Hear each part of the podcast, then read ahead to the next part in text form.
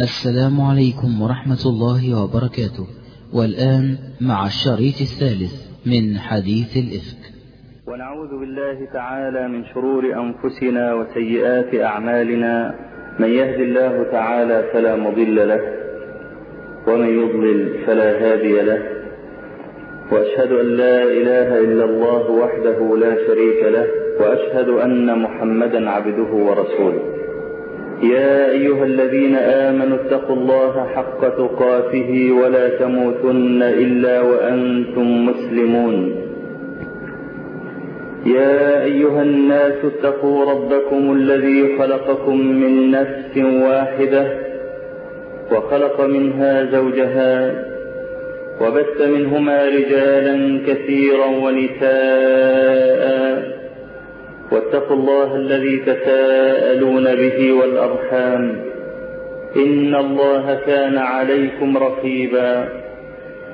يا أيها الذين آمنوا اتقوا الله وقولوا قولا سديدا.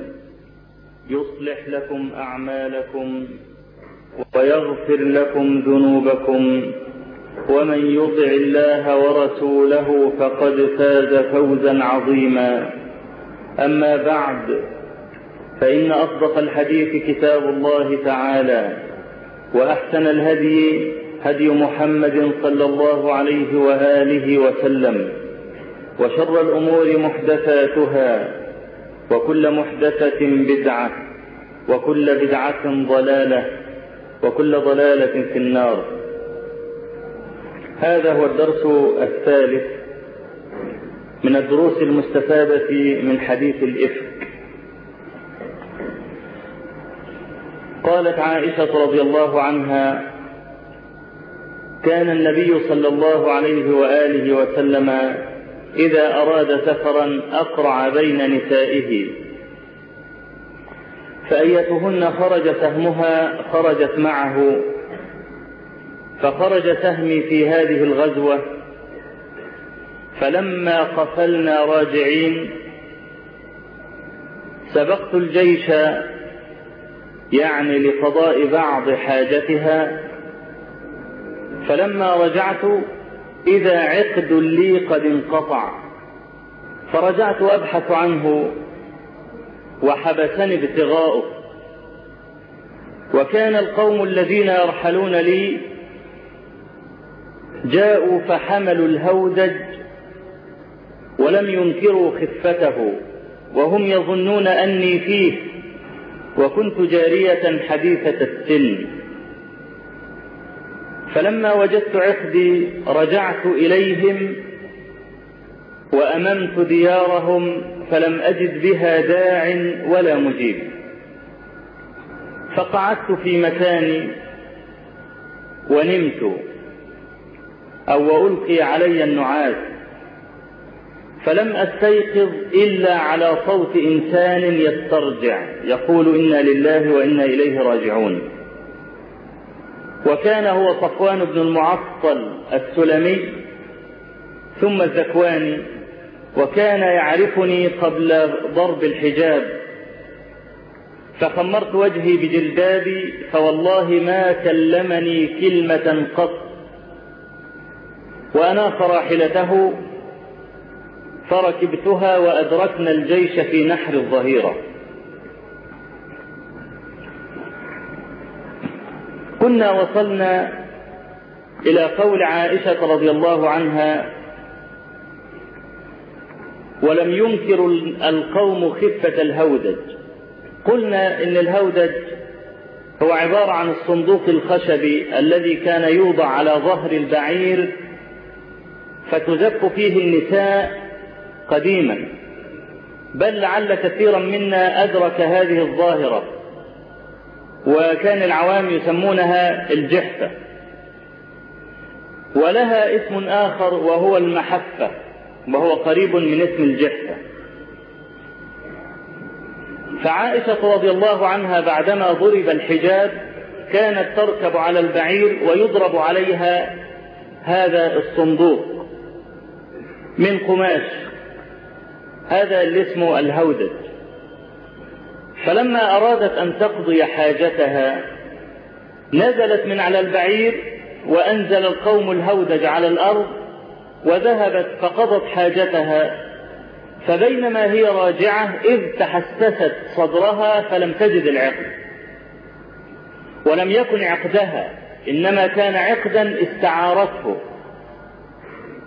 ففزعت ورجعت من تلقاء نفسها وهي تظن أن القوم لن يبرحوا مكانهم إلا بعد رجوعها. فذهبت تبحث عن العقد حتى وجدته. جاء القوم بعدما تفرقوا فحملوا الهودج جميعا ولم ينكروا أنه خفيف.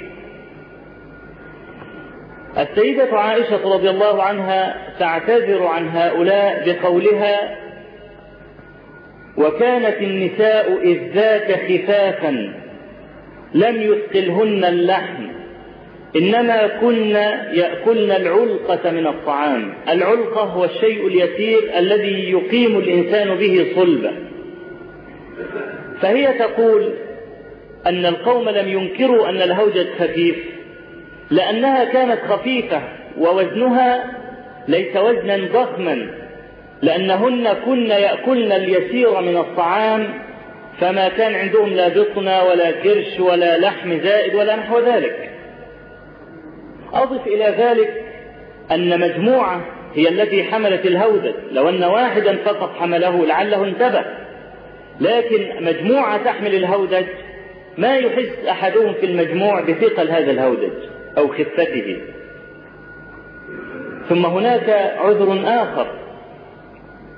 السيدة عائشة تقول وكنت جارية حديثة السن صغيرة. كان لها يوم حدثت هذه الحادثة أقل من خمسة عشر عاما. لأن النبي صلى الله عليه وسلم عقد عليها وهي ابنة ست سنين وبنى بها وهي ابنة تسع. وبعض الجهلة يقول كيف يبني ببنت تسع سنين؟ ونقول إن بلوغ النساء في المناطق الحارة يكون سريعا. وأنت قد ترى الفتاة الصغيرة التي لم تخرج من المرحلة الابتدائية وقد خرج صدرها وحاضت. وصارت أهلا للزواج. وهذا ليس بكثير جدا إنما هو موجود. وتجد في المناطق الباردة قد تبلغ قد تصل البنت إلى عشرين سنة ولم تحض بعد. وهذه ظاهرة يلمسها كل أحد. فقول القائل كيف يدخل بطفلة صغيرة سنها تسع سنوات إنما أتي من جهله. ومن يك ذا فم مر مريض يجد مرا به الماء الزلالا فالنبي صلى الله عليه وسلم عقد عليها وهي ابنة ست ولم تكن حاضت بعد. ثم بنى بها سنة اثنتين من الهجرة بعدما وصلت لتسع سنين. فكان لها يوم وقعت هذه الحادثة في غزوة بني المصطلق أقل من خمسة عشر عاما. فصغر سنها مع ضعف أكلها كل هذا أنتج خفة الوزن التي لم يلحظها أولئك الذين احتملوا الهودج فهي تعتذر عنهم. فلما حملوا الهودج ووضعوه واستنفروا البعير ومشوا مع الناس وهم يظنون أن عائشة رضي الله عنها في داخل الهودج هناك أيضا ملحظ آخر في قولها وكنت جارية حديثة السن. تقصد أنها ليس لها تجارب. لو كان لها تجربة لما رجعت من تلقاء نفسها وبحثت عن العقد. إنما كانت ذهبت إلى أولئك النفر فقالت لهم إن عقدي قد انصرف ابحثوا عنه. لكن ليس لكن لأنها ليس لها خبرة بالحياة رجعت وحدها بدون أن تستشير أحد. وهي رضي الله عنها قد استفادت من هذا الخطأ فيما بعد. فقد حدثت قصة مشابهة رواها الشيخان من حديث عائشة أيضا رضي الله عنها. قالت كنت مع النبي صلى الله عليه وآله وسلم في غزوة من الغزوات فانقطع عقد لي. أيضا. فأخبرت النبي صلى الله عليه وسلم بانقطاع العقد فحبس الناس في البحث عن هذا العقد. فجاء الناس إلى أبي بكر يقولون يا أبا بكر انظر حبست رسول الله صلى الله عليه وسلم والناس وليسوا على ماء وقد حان وقت الصلاة. فغضب أبو بكر وجاءها. قالت وكان النبي صلى الله عليه وسلم قد نام أي على فخذها. قالت فجاء أبو بكر وقال وقال ما شاء الله له أن يقول وهو يطعنني بيده في خاصرتي. يعني بأصابعه ويطعن في خاصرتها هنا ويقول حبست النبي صلى الله عليه وسلم وأصحابه وليسوا على ماء وقد حان وقت الصلاة قالت ولم يمنعني من التحرك إلا مكان النبي صلى الله عليه وسلم على فخذي فوجدوا العقد وأنزل الله آية التيمم. فقال أسيد بن حضير ما هي بأول بركتكم يا آل أبي بكر؟ يعني كان لحبس هؤلاء الناس إنزال آية التيمم آية البدل للماء وهي من أعظم الرخص التي وضع الله عز وجل بها الحرج عن هذه الأمة في حالة فقدان الماء. ففي هذا الموقف استفادت هي من التجربة السابقة وأخبرت النبي صلى الله عليه وآله وسلم. فهي كأنها تعتذر عن مثل هذا الأمر بقولها وكنت جارية حديثة السن أي ليس لي كبير خبرة في هذا الباب. وكنت جارية حديثة السن. ومضى الناس وتفارقوا. فأمنت ديارهم فلم أجد بها داع ولا مجيب. ذهبت تقصدهم فلم تجد أحدا إطلاقا في الصحراء. وأرجو أن تتصور منظر هذه الصحراء وقد أقبل الليل بسدوله بعدما غارت نجومه وهي جارية حديثة السن في صحراء قاحلة وحدها. إنك ترى المرأة الآن في بيتها وقد أغلقت الشبابيك وأغلق الباب وحولها الجيران وتفرق أن تظل في البيت وحدها. ما تستطيع أن تغمض جفنها من شدة الخوف وهي في بيتها والبلد آمن ومع ذلك تخاف لأن هذا شيء مركوز في فطر النساء. مسألة الخوف هذه مركوزة في فطر النساء لا سيما الصغيرة منهن.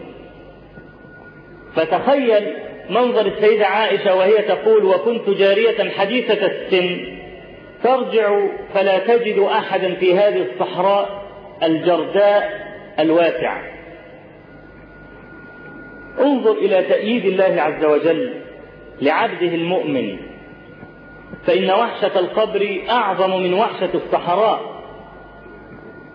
فإن الصحراء قد يؤمل الإنسان أن يفوز منها أو أن يخرج منها. إنما القبر ما يؤمل أن يخرج منه. وكلاهما فضاء واسع.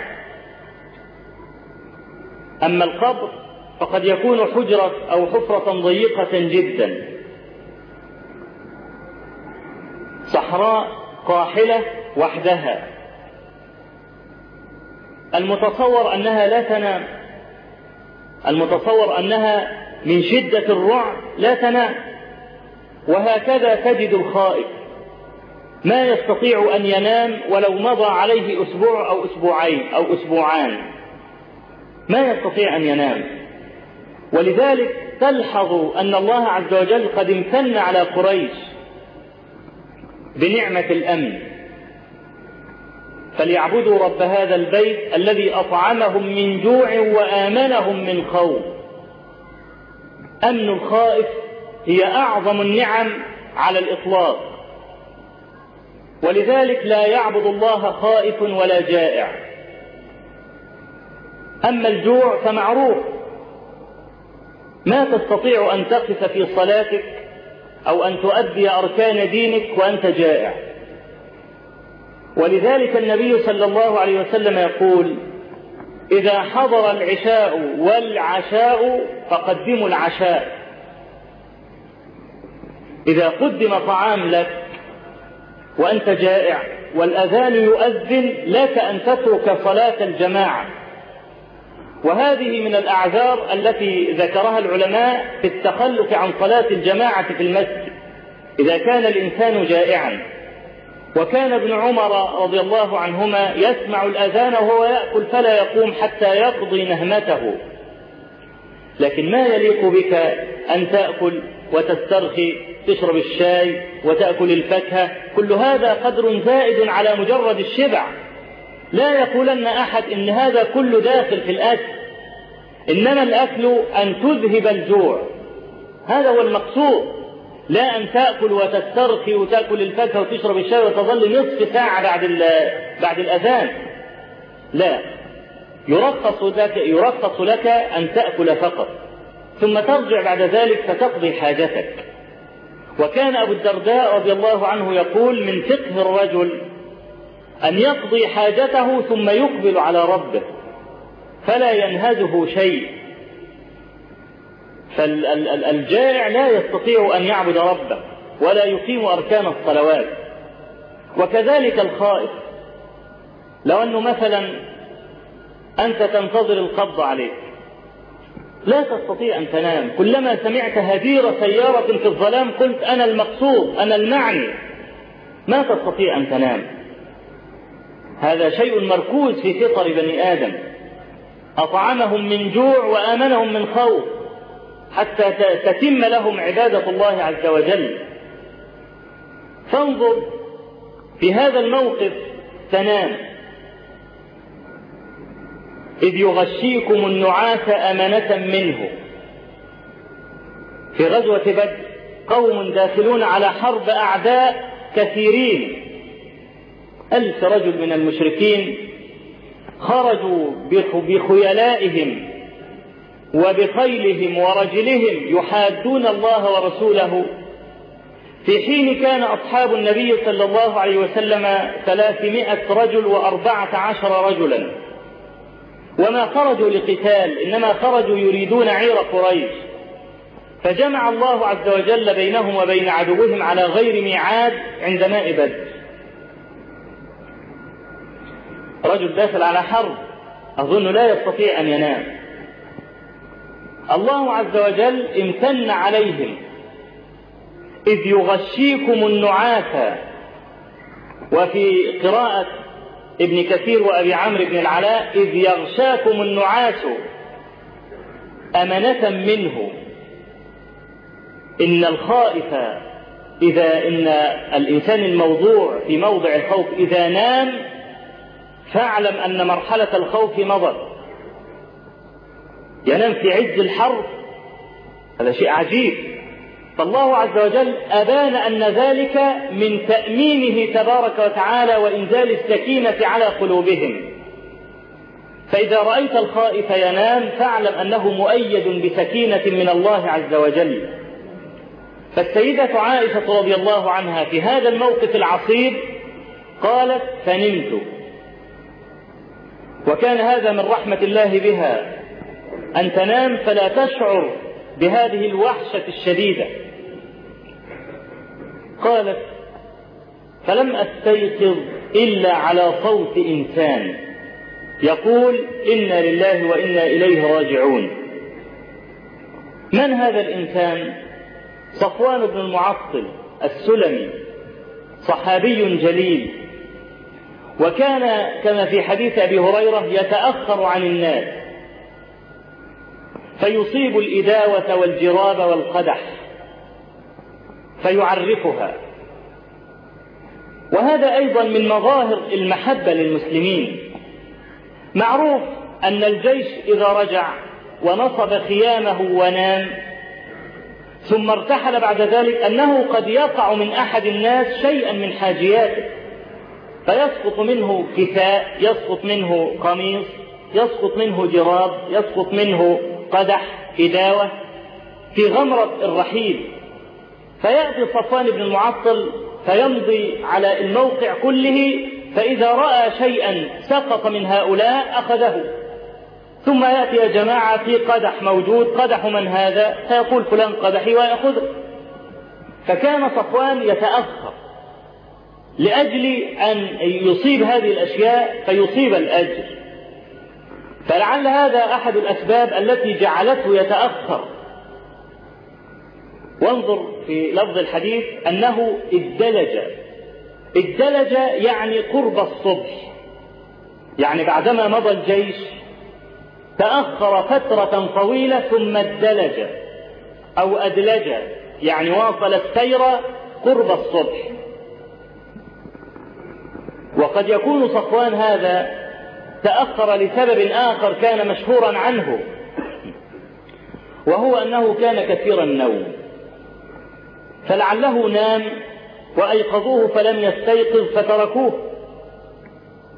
وورد في هذا حديث في سنن الإمام أبي داود بسند صحيح من حديث أبي سعيد الخدري رضي الله عنه قال جاءت امرأة صفوان إلى النبي صلى الله عليه وسلم وصفوان جالس فقالت يا رسول الله إن صفوان يضربني إذا صليت. ويفطرني إذا صمت. ولا يصلي صلاة الفجر إلا بعد أن تشرق الشمس. انظر إلى هذه المرأة. وانظر إلى اهتمامات النساء الآن. ما جاءت تشكو له من ضيق العيش؟ فقد كن من الصابرات. على شظف العيش. وما كانت امرأة منهن تضيق على زوجها وتحمله العنت إنما كانت تصبر معه وتحمله إذا سقط. هذا من شأن النساء الوفيات لأنها تبتغي رضا الله عز وجل بمرضاة زوجها عنها. وفي حديث أسماء بنت يزيد أن النبي صلى الله عليه وسلم قال لها أي هذه أذات بعل أنت؟ أي أنت متزوجة؟ قالت نعم يا رسول الله. قال, قال كيف أنت له؟ يعني ما حالك معه؟ قالت يا رسول الله ما آلوه أي لا أقصر في طاعته. فقال عليه الصلاة والسلام لها انظري أين أنت منه فإنه جنتك أو نارك. فهذه المرأة تشتكي أن صفوان لا يتيح لها أن تعبد الله عز وجل كما تريد. يضربني إذا صليت ويفطرني إذا صمت ولا يصلي الصبح إلا بعد أن تشرق الشمس على عادة كثير من الناس اليوم. فانبرى صفوان يدافع عن نفسه ويزيل هذا اللبس الذي يظهر من سياق الكلام. كما يحكى أن رجلا قال لعمر أصبحت أكره الحق وأحب الباطل ولي في الأرض ما ليس لله في السماء. فهم عمر أن يبطش به. لأن خطابه واضح أنه خطاب ظاهره سوء الأدب. أصبحت أكره الحق وأحب الباطل ولي في الأرض ما ليس لله في السماء. حتى فسر له علي بن أبي طالب رضي الله عنه ذلك. أصبحت أحب أكره الحق أي الموت. وأحب الباطل أي الدنيا وزينتها. ولي في الأرض ما ليس لله في السماء لي زوجة ولي ولد. وليس لله زوجة ولا صاحبة ولا ولد. فهذا ظاهر من هذا الخطاب أنه موهم. فاندرى صفوان يدافع عن نفسه. قال يا رسول الله أما قولها يضربني إذا صليت فإنها تقرأ في الركعة الواحدة بسورتين وقد نهيتها عن ذلك. يعني بعد أن تقرأ الفاتحة تقرأ سورتين بعد الفاتحة. فكان يقول لها يكفي سورة واحدة. فتصر أن تقرأ سورتين فيضربها. فقال لها عليه الصلاة والسلام أطيعي زوجتي. لأن قراءة السورة بعد الفاتحة مستحبة. قراءة السورة أمر مستحب. وطاعة الزوج فرض. فما ينبغي لك أن تتشبثي بالمستحب وتتركي الفرض لأن الفرض أولى وأقوى من المستحب. بل إذا إذا لم يقرأ الإنسان السورة عقب الفاتحة صلاته منعقدة بالإجماع. وأما قولها يفطرني إذا صمت. فإنها تستأنف الصيام وأنا رجل شاب ولا أصبر. فقال عليه الصلاة والسلام لا يحل لامرأة تؤمن بالله واليوم الآخر أن تصوم وزوجها شاهد إلا بإذنه غير رمضان. هي تستأنف الصيام من الصباح لعل الرجل يريد من امرأته ما يريد الرجل. فيصده عن ذلك إنها صائمة وأنها في عبادة فلعله ينحرف. أو لعل عدم إفراغ هذه الشهوة يجعل الانحراف طبعا فيه بعد ذلك. فما ينبغي للمرأة أن تستأنف الصيام من الصباح وحدها بغير إذن زوجها بل تستأذنه في صيام النافلة. لا يحل لامرأة تؤمن بالله واليوم الآخر أن تصوم وزوجها شاهد شاهد أي حاضر وموجود. إيه معنى هذه الكلمة؟ معناها أن زوجها لو كان مسافرا يجوز لها أن تصوم بغير أن ترجع إليه. وإلا لما كان في قوله شاهد معنى إذا كان زوجها شاهد أي حاضر وموجود لا يحل لها أن تستأنف الصيام. ليه؟ لأنه قد يريدها. أما إن كان مسافرا فهو لن يستطيعها بطبيعة الحال فيمكن لها أن تستأنف الصيام. وهذا معنى كلمة شاهد أي حاضر إلا بإذنه غير رمضان. لماذا؟ لأن رمضان فرض على الجميع. ونحن كما قلنا إن تعارض مستحب مع واجب يقدم الواجب. فإن تعارض واجب مع أوجب يقدم الأوجب. فصيام رمضان فرض من الله عز وجل وطاعته أفرض من طاعة الزوج فتقدم الأفرض كما قدمنا الفرض على المستحب. أما قولها إنني لا أصلي الفجر إلا بعد أن تشرق الشمس فإنا آل بيت عرف لنا ذلك. أي نحن مشهورون بهذا. فقال له عليه الصلاة والسلام صل إذا قمت وكلام صفوان هنا محمول على أمر في غاية الأهمية لأنه قد يتوهم أحدكم أن الرجل يجوز له أن يصلي صلاة الفجر دائما مع كونه يستطيع أن يصليها قبل الشمس. صفوان بن المعطل السلمي هذا كان حب النوم فيه جبلة. أحيانا إذا نام رجل تكاد تكسر عليه الباب وهو نائم في الصالة مثلا ولا يسمع. برغم أنه نائم من نصف ساعة مثلا فقط. هناك ناس النوم جبلة فيهم. حب النوم وعدم القدرة على الاستيقاظ السريع هذا جبلة فيهم. فكان صفوان هكذا. إن آل بيت عرف أننا ننام كثيرا. عرف لنا ذلك. لكن أن تسهر إلى قرب الفجر تتفرج على المسلسلات وعلى الأفلام وبعدين تنام الساعة الواحدة أو الساعة الثانية وتظبط المنبه على الساعة سبعة أو الساعة ثمانية لا يمكن أن يقال لك إن حالة انتحال صفوان بن المعطل لابد أن تأخذ الأسباب الشرعية.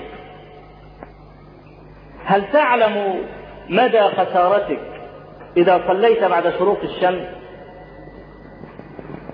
من جملة خسارتك قول النبي صلى الله عليه وآله وسلم ركعتا الفجر خير من الدنيا وما فيها.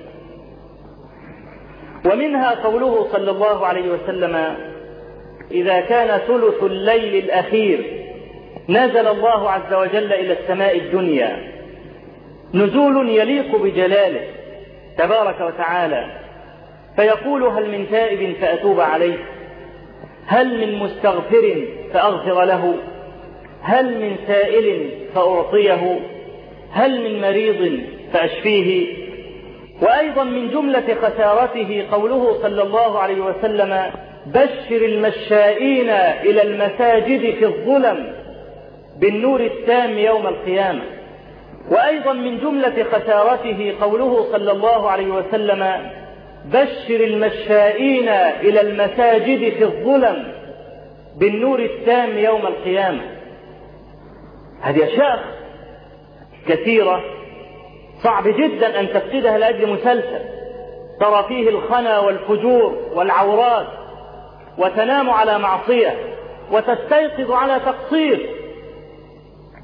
لا أقول لك تستيقظ على معصية إنما تستيقظ على تقصير. بعدما نمت على معصية أفأمنت أن تقبض هذه الليلة؟ وأن تخرج من هذه الفرش الناعمة فتدرج في الأكفان؟ وأن توسد التراب وأن يكون أنيسك الدود ومنكر ونكير والشجاع الأقرع. أفأمنت كل هذا؟ يجب عليك أن تأخذ الأسباب الشرعية. تنام بعد العشاء إن لم يكن لاستيقاظك ضرورة. فإن كنت من الذين يعملون في الوردية الثانية ليلا لا جناح عليك. إذا فعلت هذا فاستيقظت في الظهر فلا جناح عليك. لو استيقظت بعد أذان الظهر لا جناح عليك ولا تلام شرعا لأنك اتخذت الأسباب الشرعية وروحك عند الله عز وجل وأنت نائم. الله يتوفى الأنفس حين موتها والتي لم تمت في منامها. فالأرواح قسمان. إذا نام الجميع كل الأرواح تصعد إلى فوق. الله يتوفى الأنفس حين موتها والتي لم تمت في منامها فيمسك التي قضى عليها الموت ويرسل الأخرى إلى أجل مسمى. فهذه الأرواح كلها فوق. فلان أجل انتهى. لا لا ترجع إليه روحه. تظل فوق. أما فلان فما زال في عمره بقية ترجع إليه روحه. فيقضي هذه البقية. وهذا معنى قول الله عز وجل فيمسك التي قضى عليها الموت أي لا يرسلها إلى صاحبها. ويرسل الأخرى أي التي لم تمت في منامها إلى أجل مسمى. فأنت ما تدري ما يقضى لك من الأجل. فتأخذ الأسباب الشرعية ولا تضيع على نفسك هذه الصلاة. إن الإنسان إذا مات ختم على عمله. تصور مثلا لو رجل مات الآن. موعدك به في القيامة. تصور هذا؟ يعني لن يرى هذه الزروع ولا هذه البلاد ولا هذه الشوارع التي آنس بها ولا هذا الصديق الذي كان يقضي معظم وقته معه راح. متى تلتقي به إذا صرت مثله؟ قال علي رضي الله عنه أعد الزاد لليلة صبحها يوم القيامة. صبحها يوم القيامة. وكما يقول النبي صلى الله عليه وسلم إن هذه القبور ملآنة ظلمة على أهلها.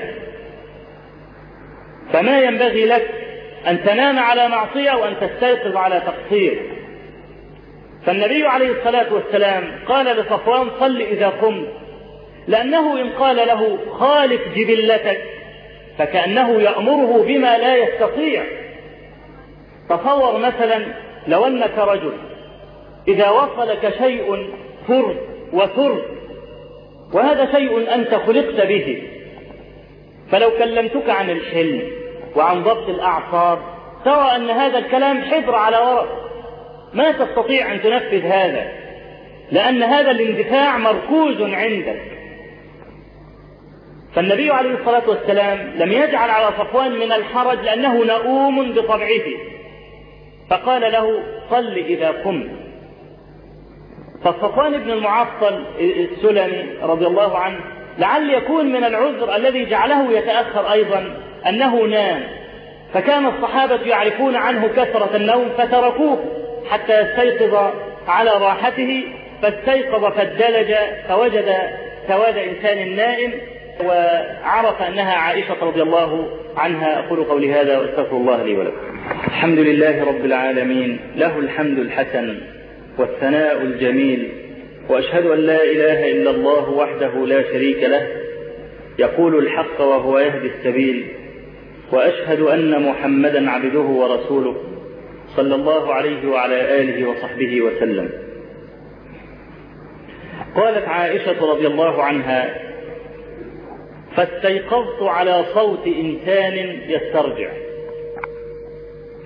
يقول إنا لله وإنا إليه راجعون. وهذه الكلمة علمها النبي صلى الله عليه وسلم أصحابه عند المصيبة. فرأى صفوان أن وجود عائشة رضي الله عنها قبل أن يعرف السبب الذي جعلها في هذا المأزق رأى أنها مصيبة. وأنها نائبة. وقد كانوا يعظمون النبي صلى الله عليه وسلم وأزواجه وهذا كله نابع من المحبة القلبية للنبي صلى الله عليه وسلم. إنا لله وإنا إليه راجعون. وقد ذكر الله عز وجل هذا القول في عقب المصيبة. الذين إذا أصابتهم مصيبة قالوا إنا لله وإنا إليه راجعون. تفسيرها يحتاج إلى نوع من النظر. إذا أصابتهم مصيبة تكون المصيبة إما في بدنك وإما في أهلك وإما في مالك وإما في صديقك أو حبيبك. فإن أصابتك مصيبة فقل أيضا إنا لله أي لا تأمن أن تصيبك أيضا هذه المصيبة. إن كنت أنت في عافية الآن ونظرت إلى غيرك وهو يرزح تحت أعباء المصيبة فلا تأمن أيضا أن ينيخ عليك الدهر بكلكله وأن تصاب أيضا مثله. ثم إنك وغيرك وكل ما على الأرض لله عز وجل ملكه. إنا نحن نرث الأرض ومن عليها. انظر إلى غنى ربنا عز وجل نرث الأرض ومن عليها. إنك ترى الآن لو رجل عنده بقعة أرض أو قطعة أرض بحجم هذا المسجد يمشي كالطاووس. رجل غني معه مئة ألف أو يزيدون. رجل عنده قطعة أرض ويحسده كثير من الناس على هذه النعمة. اشترى المتر بثلاثة ساب الآن المتر بثلاثمائة جنيه. أو أن والده ترك له عشرة أفدنة جاءت وسط مباني. ما أغناه. فلو نظرت إلى هذا الرجل وترى العباد يتزلفون إليه ويتحببون إليه رجاء أن يأخذ بعضهم القطعة بسعر 250 جنيه فقط. أو أن أو أنه يعني يعطيه بعض المال. أو أنه يأخذه في ركابه شرف انظر إلى فعل هؤلاء العباد مع هذا الفقير الذي يلبس ثوب الغني وانظر إلى فعلهم مع الذي له ملك السماوات والأرض.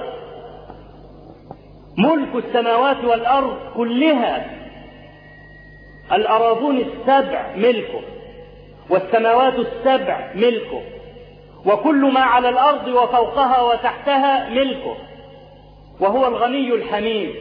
ومع ذلك لا يلجؤون إليه بل يعاملونه معاملة التجار. إذا أصابتهم نعمة كفروا وأعرضوا ولووا رؤوسهم. أعرض وناء بجانبه إذا أصابته النعمة وإذا أصابته المصيبة رجع إلى الله أدراجه. معاملة التاجر. له ملك السماوات والأرض تبارك وتعالى. فإليه الملجأ جل وعلا. فأنت تنظر إلى هذه الأرض ومن عليها لله.